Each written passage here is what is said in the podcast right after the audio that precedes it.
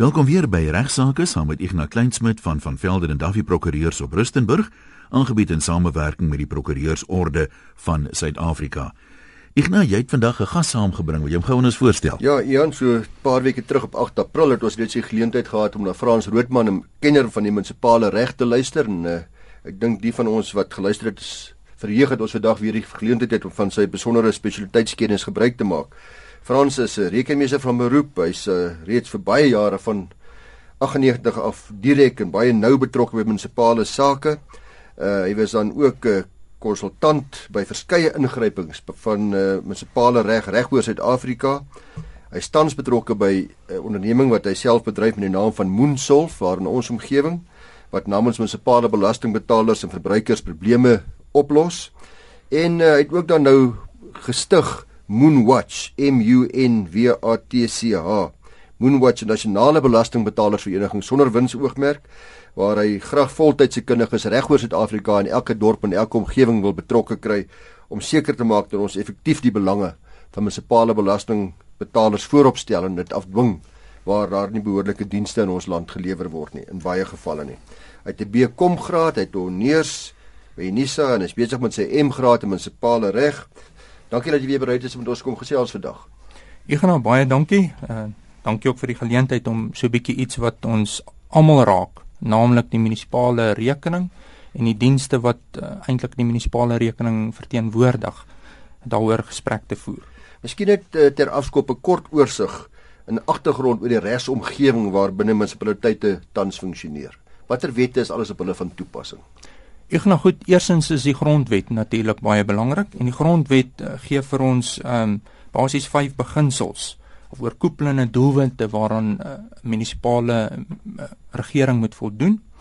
Een een van die belangrikes demokratiese en verantwoordbare regering, munisipale dienste op 'n lewensvatbare basis te voorsien, sosiale en ekonomiese ontwikkeling te bevorder, 'n veilige en gesonde omgewing te bevorder en dan laastens wat vir my persoonlik baie belangrik is om plaaslike gemeenskappe betrokke te hou by uh, plaaslike regeringssake. Het hierdie grondwet eh, 'n uh, denksprong gemaak wat betref die munisipaliteite? Is hulle onafhanklik of nie regtig nie?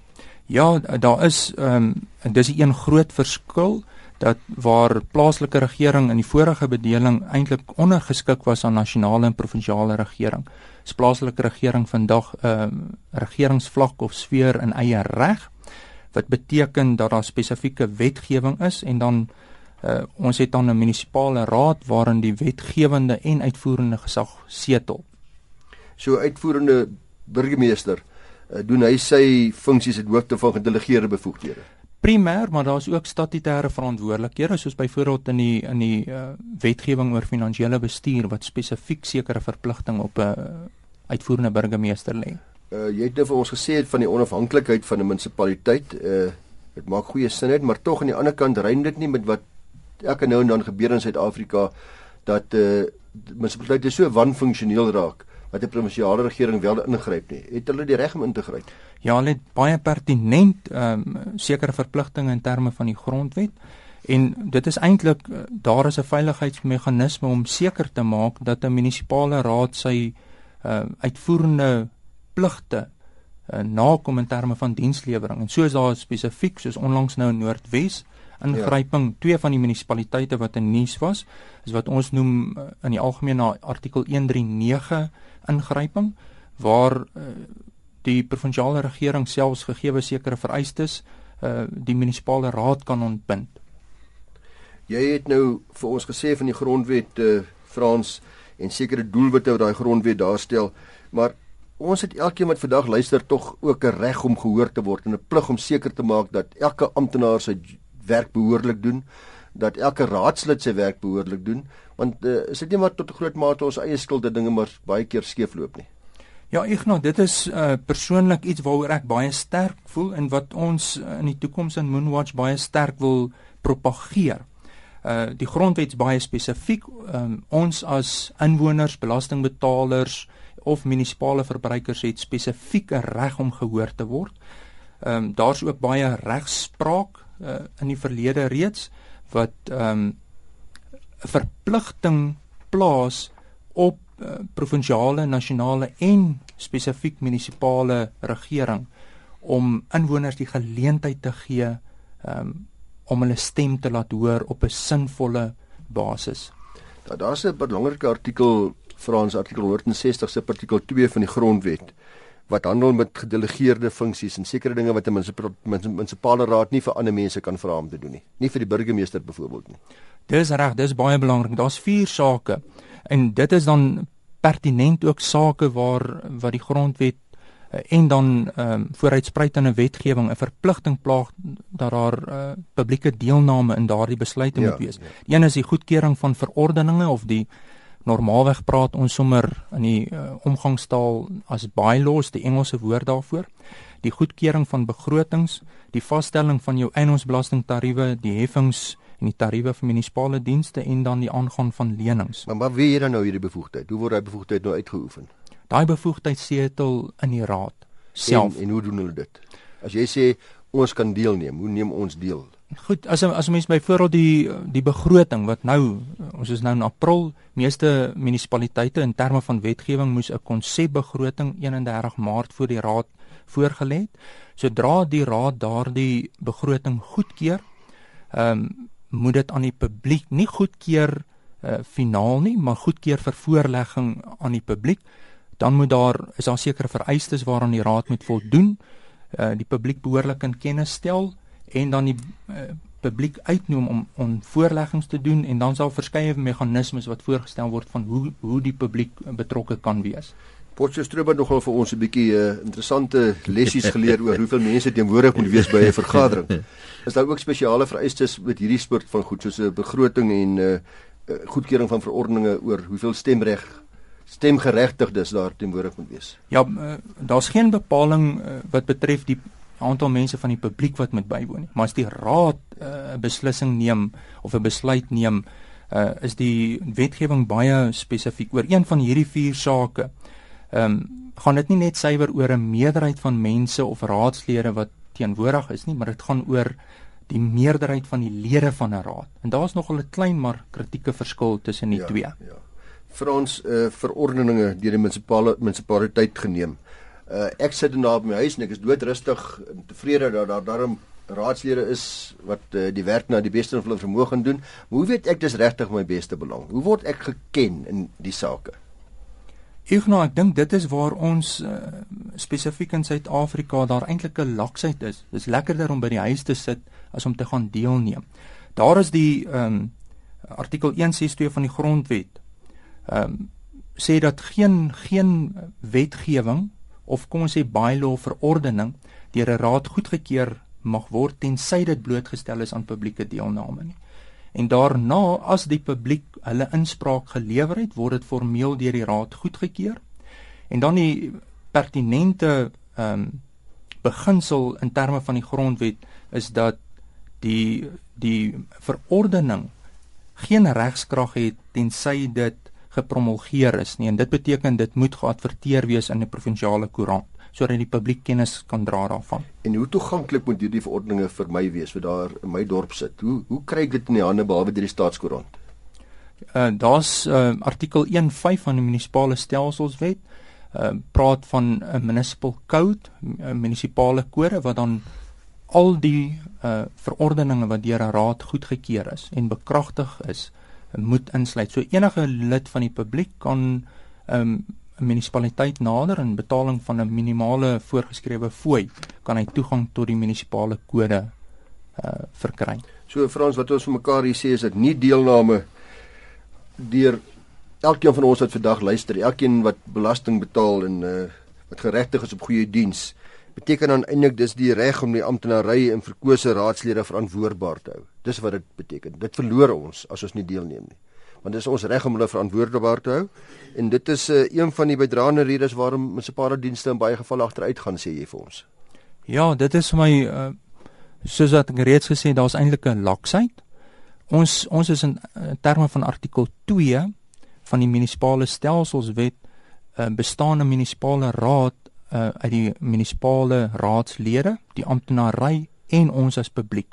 Hmm. En dit beteken en dan is daar ook natuurlik regspraak wat vooruitspruitend kom wat Uh byvoorbeeld die Grootboom saak. Dis 'n goeie voorbeeld van waar ja. die publiek hulle regte afgedwing het, nê. Nee. Absoluut afgedwing en dis eintlik 'n voorbeeld daarvan. En en dit is regspraak uh, deur die grondwetlike hof waar die die manier waarop daar deelname moet plaasvind gedefinieer is. En nog 'n saak, die Matatiel saak het die uh, konstitusionele hof 'n verdere standaard van redelikheid vas uh. So dit beteken uh, 'n munisipaliteit kan nie maar net bloot 'n proses volg ter wille van nakoming nie. Dit moet 'n proses wees wat redelik is en wat dan in neerkom op sinvolle deelname. In sinvolle deelname is effektief gedefinieer deur die grondwetlike hof as deelname wanneer uh, ons bes, ons insette nog 'n verskil kan maak en nie wanneer die proses al eintlik reeds geneem is en ons nou maar net suiwer vir nakoming die proses volg nie. Net bietjie meer oor die grootboom saak uh, wat het daar presies gebeur? In in grootboom dit gaan oor die reg tot behuising in terme van die grondwet. Ek dink is amper artikel 26 of 27 is daar 'n reg op behuising en daardie reg is net verder gedefinieer dat dit dat dit 'n reg is wat uh, ehm um, ek dink amper die regte woord is ehm um, dis 'n reg wat verder ontwikkel kan word vorentoe. Ja, Frans, jy het nou baie mooi vir ons verduidelik hoe waar die munisipaliteit in die regsomgewing inpas en waar elkeen van ons wat luister ook inpas en hoe ons eintlik ons amptenare en ons munisipaliteite verantwoordbaar kan hou. En ek dink uh, almal van ons moet dalk baie baie diep besin daaroor of ons ons klein deeltjie bydra. Maar ek wil nader beweeg aan die meer praktiese probleme wat ons almal ondervind en dit is veral met munisipale dienste, die rekeninge wat ons ontvang. Hoe kan luisteraars se deelneme byvoorbeeld aan die begrotingsproses 'n rol speel om te verseker dat my maandelikse rekening, my uitgawes met betrekking tot munisipale dienste bekostigbaar bly? Ek nou ja, dis belangrik. Onthou die begroting gaan nie net suiwer oor die begroting nie, maar die begroting word eintlik ontleen aan die geïntegreerde ontwikkelingsplan. Nou dit sê eintlik vir ons wat die raad oor die volgende 5 jaar wil doen. Deel van die begroting is die goedkeuring van die tariewe. Dis een van die goed soos ons voorheen na verwys het wat 'n raad nie mag delegeer nie en waar daar spesifieke statutêre verpligtinge is oor publieke deelname. Ek wil byvoorbeeld een eh, doeteenvoudige voorbeeld noem oor hoe ons reg tot deelname of eintlik ons en ons gebrek aan deelname gelei tot wat maak dat ons eintlik volgens my vandag te veel vir elektrisiteit betaal. 'n Doeteenvoudige ding toe so 5 jaar terug toe Eskom elektrisiteitstariewe met 35% verhoog het, het alle munisipaliteite ook die tariewe met 35% verhoog. Terwyl dit eintlik net een kostekomponent is wat 35% mee gestyg het. Hmm. Dit beteken as mens die beginselrekening kundig deurvoer, dat die munisipaliteite ook gesê het maar hulle salarisrekening met 35% gestyg. Mm -hmm. Terwyl dit nie die geval is nie. So ingebou in ons elektrisiteitstariewe volgens my wat ons vandag betaal, is dit die eerste 2 jaar suiwer eers 35%, ek reg onthou volgende jaar 34%. Die stygings in Eskom tariewe het ook gemaak dat munisipaliteite ook hulle elektrisiteitstariewe wat hulle aan ons as verbruikers het met dieselfde persentasie verhoog het tot ons nadeel sou ons regtig deelgeneem het en ook kundige mense deelgeneem het, kon ons hierdie probleem ondervang het. Is dit nou al reggemaak? In ander woorde, hulle het nou vir ons vir 2 jaar heeltemal te veel gevra vir 'n hele paar jaar. Is dit daarna weer afwaarts aangepas toe die toe dit, ontdek word deur ons almal? Nee, weet, ek dink luisteraars voer dit almal in hulle sakke. Dit is nie aangepas nie en maar gelukkig vanweë die groot stygings en die betrokkenheid van Nersa en die bekostigbaarheid van elektrisiteitstariewe is mense vandag baie meer ehm um, ingestel op hulle regte. Ons kan nou byvoorbeeld praat rondom die hele saage oor BAP Billiton wat nou deur meneer Jan ja. de Lange hmm. uh, met die baie aansoek uitgelig is en dit is dit is 'n voorbeeld van publieke betrokkenheid by bepaling van tariewe. Geef ons byvoorbeeld net twee van die grootste sondaars vir die stygings in tariewe. Igno ja, dis nogal vir my interessant dat ons elke dag in die pers lees en baie in die auditverslae wat nou onlangs weer uh, ter tafel gelees. Ons praat van waterverliese en ons praat van elektrisiteitsverliese. Maar ons beteken ons verstaan nie regtig wat dit beteken nie. Ons kom nou beide van Rustenburg af. Rustenburg rapporteer nou aan in Februarie dat daar 'n 40% verlies uh, is van elektrisiteit wat aangekoop is maar wat nie verkoop word nie. Die realiteit daarvan beteken dat daar nie heffings is vir daardie 40% nie. En dit beteken in praktyk dat die betaler, die betalende lid van die publiek ingebou in sy tariewe moet daar voorsiening gemaak word om hierdie 40% wat aangekoop is eintlik te kan betaal. In 'n nasionale vlak, dit is maar dit is 'n algemene ding met meeste munisipaliteite. Ja, dit is 'n uh, Ignas, dis 'n groot probleem as mens kyk na verslae van die ouditeur-generaal. Ek wil amper sê dit dit wissel tussen 20 en 50% op 'n nasionale vlak. Nie alle munisipaliteite het dieselfde omvang nie, maar dis wesentlik. Maar is dit nie 'n konflik met die grondwet nie? Ja, ek wil ek wil amper sê een van die doelwitte soos wat ons nou verwys het sê dit is ehm um, om demokratiese en verantwoordbare regering en dan om munisipale dienste op 'n lewensvatbare manier te voorsien. Nou as ek 40% van die elektrisiteit wat ek aankoop nie weer verkoop nie, kan dit nooit lewensvatbaar wees nie. Ek hoef nie 'n profeet ja. te wees dat enige besigheid wat 40% van sy voorraad aankoop en nie daarvan rekenskap kan gee, moet eenvoudig bankrot gaan.